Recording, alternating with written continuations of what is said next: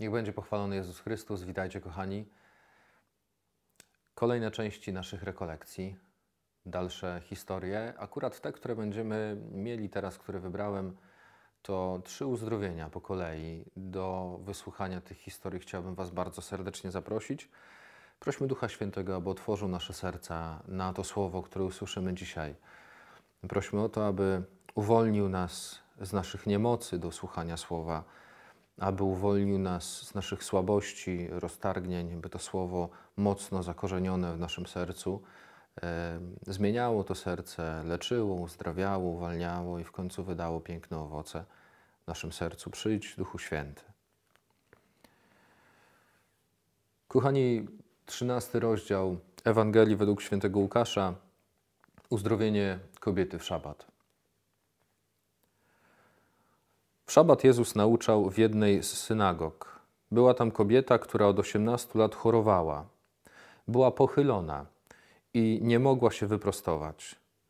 Jezus zobaczył ją, przywołał i powiedział: Kobieto, jesteś uwolniona od swojej dolegliwości. I położył na nią ręce. Natychmiast wyprostowała się i chwaliła Boga. Ale przełożony synagogi, oburzony, że Jezus uzdrowił w szabat, mówił do ludu: Jest sześć dni, kiedy należy pracować. Przychodźcie więc w te dni, aby się leczyć, a nie w szabat.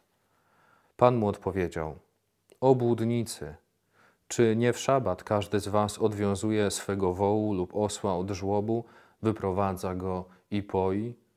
A tej córki Abrahama, którą szatan więził od osiemnastu lat, czy nie należało uwolnić od tych więzów w szabat? Kiedy to mówił, wszyscy jego przeciwnicy zawstydzili się, a cały lud radował się ze wszystkich wspaniałych czynów, jakich dokonał. Oto słowo Pańskie. Kochani, jesteśmy w trzynastym rozdziale Ewangelii według świętego Łukasza. U Łukasza są trzy cuda opisane w szabat. E, w szóstym rozdziale, w trzynastym i w czternastym. Niektórzy egzegeci mówią, że to są trzy wersje tego samego cudu, ale e, patrząc dokładnie na, na różnice i choroby, i osób, i miejsca, i tego też, jak Jezusowi zależało na zrozumieniu szabatu, bo to, że y, żydowscy rabini uczyli szabatu, przestrzegania szabatu względem tylko prawa, było też dla Jezusa pewnym problemem i on chciał przekazać dobre rozumienie szabatu. Do tego za chwilę dojdziemy.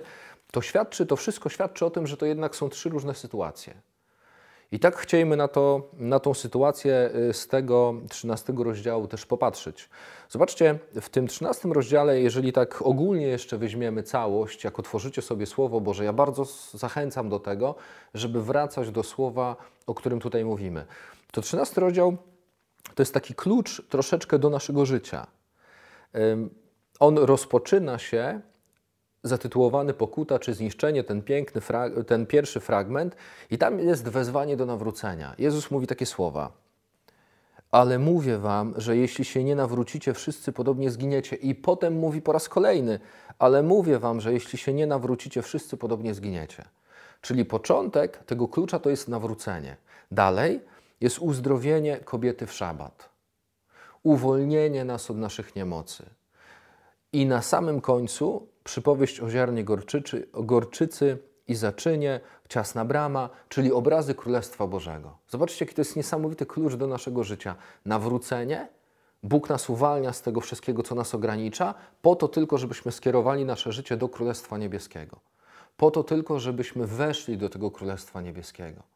Nawrócenie, uwolnienie, uzdrowienie i potem wejście do Królestwa Niebieskiego gdzie jest nasz cel. Piękny klucz, który powinniśmy stosować y, bardzo mocno do naszego życia. Uzdrowienie kobiety w szabat y, jest opisane, umiejscowione mm, po przypowieści o drzewie figowym. To też jest y, niesamowita mądrość ewangelisty, bo kiedy Jezus mówi tę przypowieść o drzewie figowym, można skupić się na braku owoców bezowocności tego drzewa. I za chwilę widzimy synagogę, i w niej widzimy przełożonego synagogi, który bezowocny jest. Dlaczego ja tak mówię? Bo on skupia się tylko na prawie. Za chwilę może jeszcze do tego wrócę. Jest bezowocny, czyli brak miłości. Człowiek, który nie kocha, człowiek, który, któremu brakuje miłości, nie wydaje dobrych owoców. Po prostu. Drodzy, uzdrowienie kobiety w szabat. Jak to jest z tą kobietą? Kobieta, co jest ciekawe też, to y, Jezus, który przychodzi do synagogi, y, nie wiemy dokładnie, gdzie jest ta synagoga, ale wiemy więcej o tej kobiecie. Nie wiemy, y, gdzie Jezus naucza, ale wiemy dokładnie pewne szczegóły o kobiecie. 18 lat to jest bardzo długi okres choroby, bardzo długo. Kobieta była pochylona. Miała ducha niemocy. Tak mówi pismo.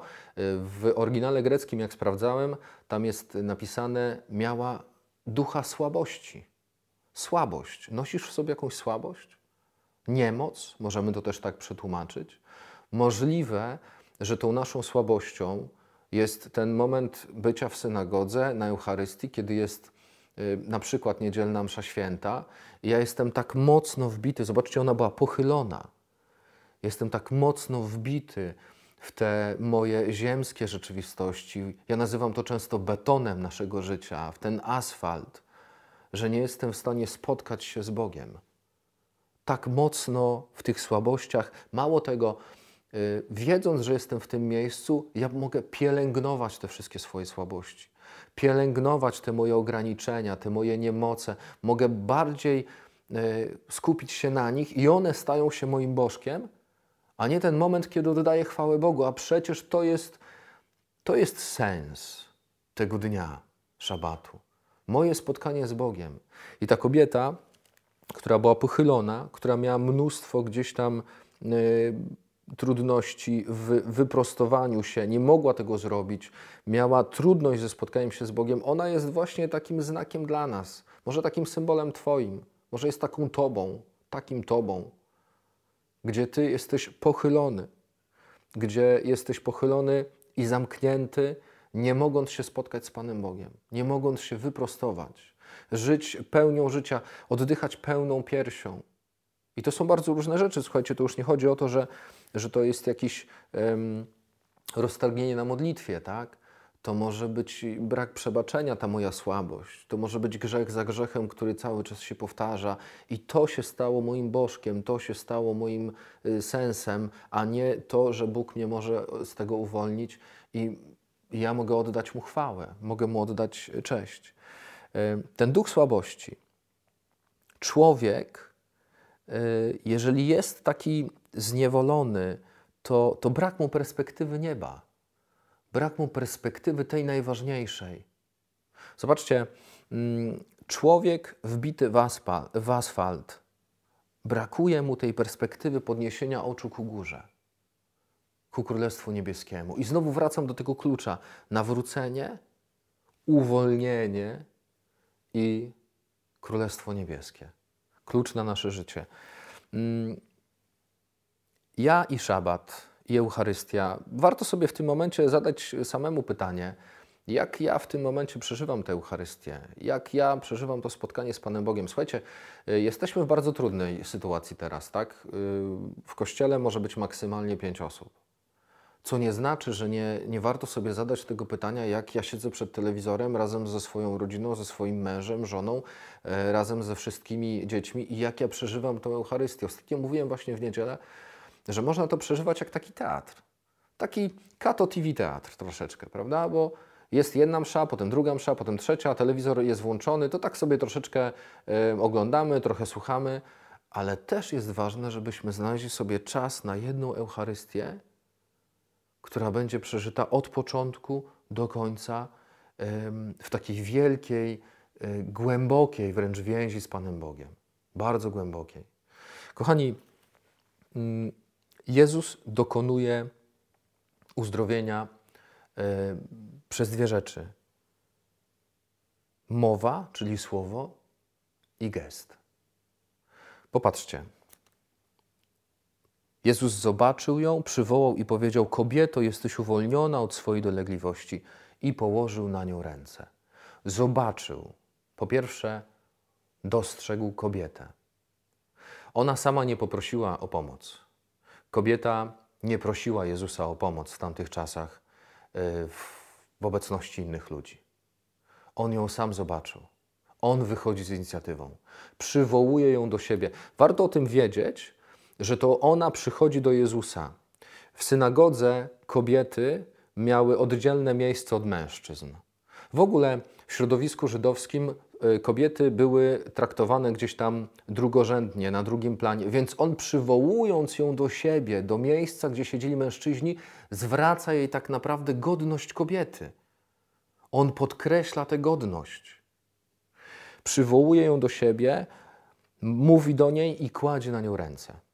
To jest piękny gest, y, kiedy Jezus dotyka ją, kładzie na nią ręce.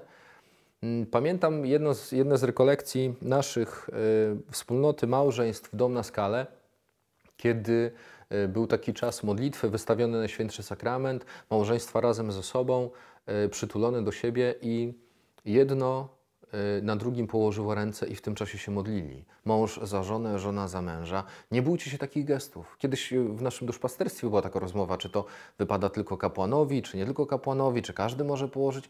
Nie bójcie się tego. To ten gest był wtedy dobrze znany. Uzdrowiciele y, wierzyli, że właśnie poprzez gest położenia rąk przychodzi specjalna moc, siła uzdrawiająca i tak dalej i ona leczy. Nie bójcie się tego gestu. Jezus też ten gest y, czyni. I zapraszam Was do takiego gestu. On jest piękny. Teraz, jak jesteście razem, jak jest ktoś w domu, nie bójcie się tego gestu. Połóżcie na, na tę drugą osobę, do, do drugą osobę ręce i módlcie się chociaż chwilę modlitwą wstawienniczą. I co się dzieje? I natychmiast wyprostowała się ta kobieta i chwaliła Boga. Natychmiast odzyskała sens szabatu. Natychmiast odzyskała sens swojego życia. Bo sensem życia jest spotkać się z Bogiem i chwalić Go. Zobaczcie, co się dzieje. Ona się wyprostowała. Może stanąć przed lustrem, może ze łzami w oczach, może z jakimś taką, z ogromną nadzieją, że teraz będzie inaczej. Popatrzy na siebie i mówi: To było, to jest moja historia, ja się jej nie wyprę. Ale Jezus mnie dotknął, położył na mnie ręce. Ja teraz patrzę na siebie Mogę Tobie popatrzeć w oczy, wyprostowałam się, mogę popatrzeć Tobie w oczy, odzyskałam swoją godność. To jest coś niesamowitego, bo mogę patrzeć Tobie prosto w oczy z miłością, opowiedzieć Ci o tym, co się działo. Zobaczcie, to jest niesamowita scena dotyku tego momentu, kiedy Jezus staje przed drugą osobą. Y, można się pytać, co Jezus robił w szabat w świątyni. Przecież on normalnie przychodził, Przyszedł do świątyni po to, żeby się modlić, słuchać Słowa Bożego, po to, żeby uczestniczyć e, w słuchaniu i modlitwie, ale też korzystając z tego, że tam są osoby i są otwarte na Słowo, też nauczał. Dlatego e, ludzie, którzy siedzą w synagodze, mówili do niego rabbi, nauczycielu, traktowali go jako nauczyciela. I drodzy, zobaczcie, e, Jezus jest w świątyni, uzdro, uzdrawia kobietę i jest osoba, która się burzy. Masakrycznie się na to burzy. Kim ona jest? To jest przełożony świątyni. E, pozwólcie, że akurat jego jeszcze dotknę bardzo krótko. Przełożony świątyni wydaje się być takim, takim fanatykiem. Kiedy mm, czytamy jego słowa, jest sześć dni, kiedy należy pracować. Przychodźcie więc w te dni, aby się leczyć, a nie w szabat a nie w szabat. Trzeba nam wiedzieć, że rabini mieli taką listę 39 prac, których nie powinno, nie można robić w szabat. Ale na tej liście nie ma e, nic mowy o, o leczeniu, o takiej pracy, która jest leczeniem. Nie ma, nie ma w ogóle tam wzmianki o tym. I słuchajcie, i to jest przeciekawe, że on nawet tego nie pozwala. To już jest fanatyzm, to już nie jest nawet radykalizm, ale ostry fanatyzm. Co się dzieje? Mm, Jezus odpowiada mu bardzo prosto. Odpowiada mu na zasadzie e, mówiąc od początku, posługując się bardzo prostymi obrazami. Zobaczcie, obłudnicy. Kto to jest obłudnik? Obłudniku. Pod pretekstem źle, źle pojmowanego dobra, albo pod pretekstem dobra, ja wyrzucam miłość do drugiego człowieka. Ja odsuwam tę miłość. To jest obłudnik. Wydaje mu się, że dobrze robi, wydaje mu się, że jest wierny, a z drugiej strony zostawia miłość drugiego człowieka. Obłudnicy.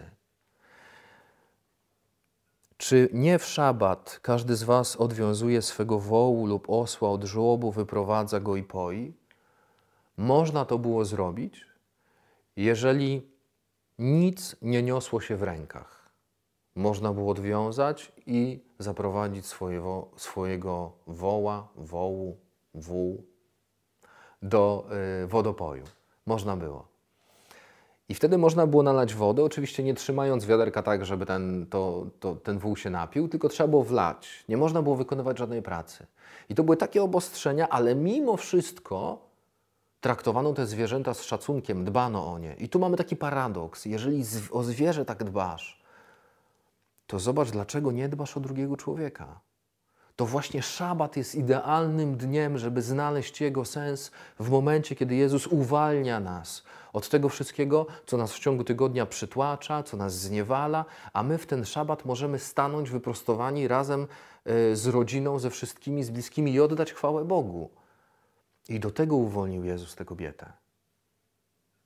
I rzeczywiście nie dziwię się potem, że kiedy Jezus im wytłumaczył to wszystko, to kiedy to mówił, wszyscy jego przeciwnicy zawstydzili się, bo wiedzieli, bo zobaczyli, że rzeczywiście on ma rację, bo zobaczyli, że to, co zrobił, jest dobre z ogromną, nieskończoną miłością wobec drugiego człowieka. Kochani, może warto by było dzisiaj zamknąć oczy na chwilę. Możesz to zrobić teraz, kiedy wysłuchasz tego słowa. Zamknij oczy na chwilę i popatrz na to, co Ciebie przygięło ostatnio do ziemi. Jaka jest Twoja niemoc, jaka jest Twoja słabość? Co się dzieje w Twoim życiu, co ogranicza Cię i nie pozwala Ci oddawać chwały Panu Bogu? Co jest Twoją niemocą, kiedy stajesz przed Bogiem i potrzebujesz tego uzdrowienia? Potrzebujesz tego wyprostowania się, bo Twoje życie gdzieś tam skapciało. Twoje życie jest takie bez życia. Twoje życie jest może smutne, może mocno egoistyczne, może pozamykane gdzieś tam w sobie. Może ono już od tygodni i miesięcy jest takie samo i nie potrafisz się z tego życia wyprostować. Popatrzeć sobie w lustro, w Twoje oczy. Nie potrafisz nawet popatrzeć na samego siebie bo jesteś tak przygięty, tak wbity w ten asfalt. I wtedy z zamkniętymi oczami zacznij się modlić. Po prostu. Zacznij się modlić. Jezus przyjdzie. Odpowiedź na tą Twoją modlitwę. Jezus przyjdzie i uzdrowi. Ja bardzo mocno w to wierzę. Chwała Ojcu i Synowi i Duchowi Świętemu jak była na początku, teraz i zawsze, i na wieki wieków. Amen.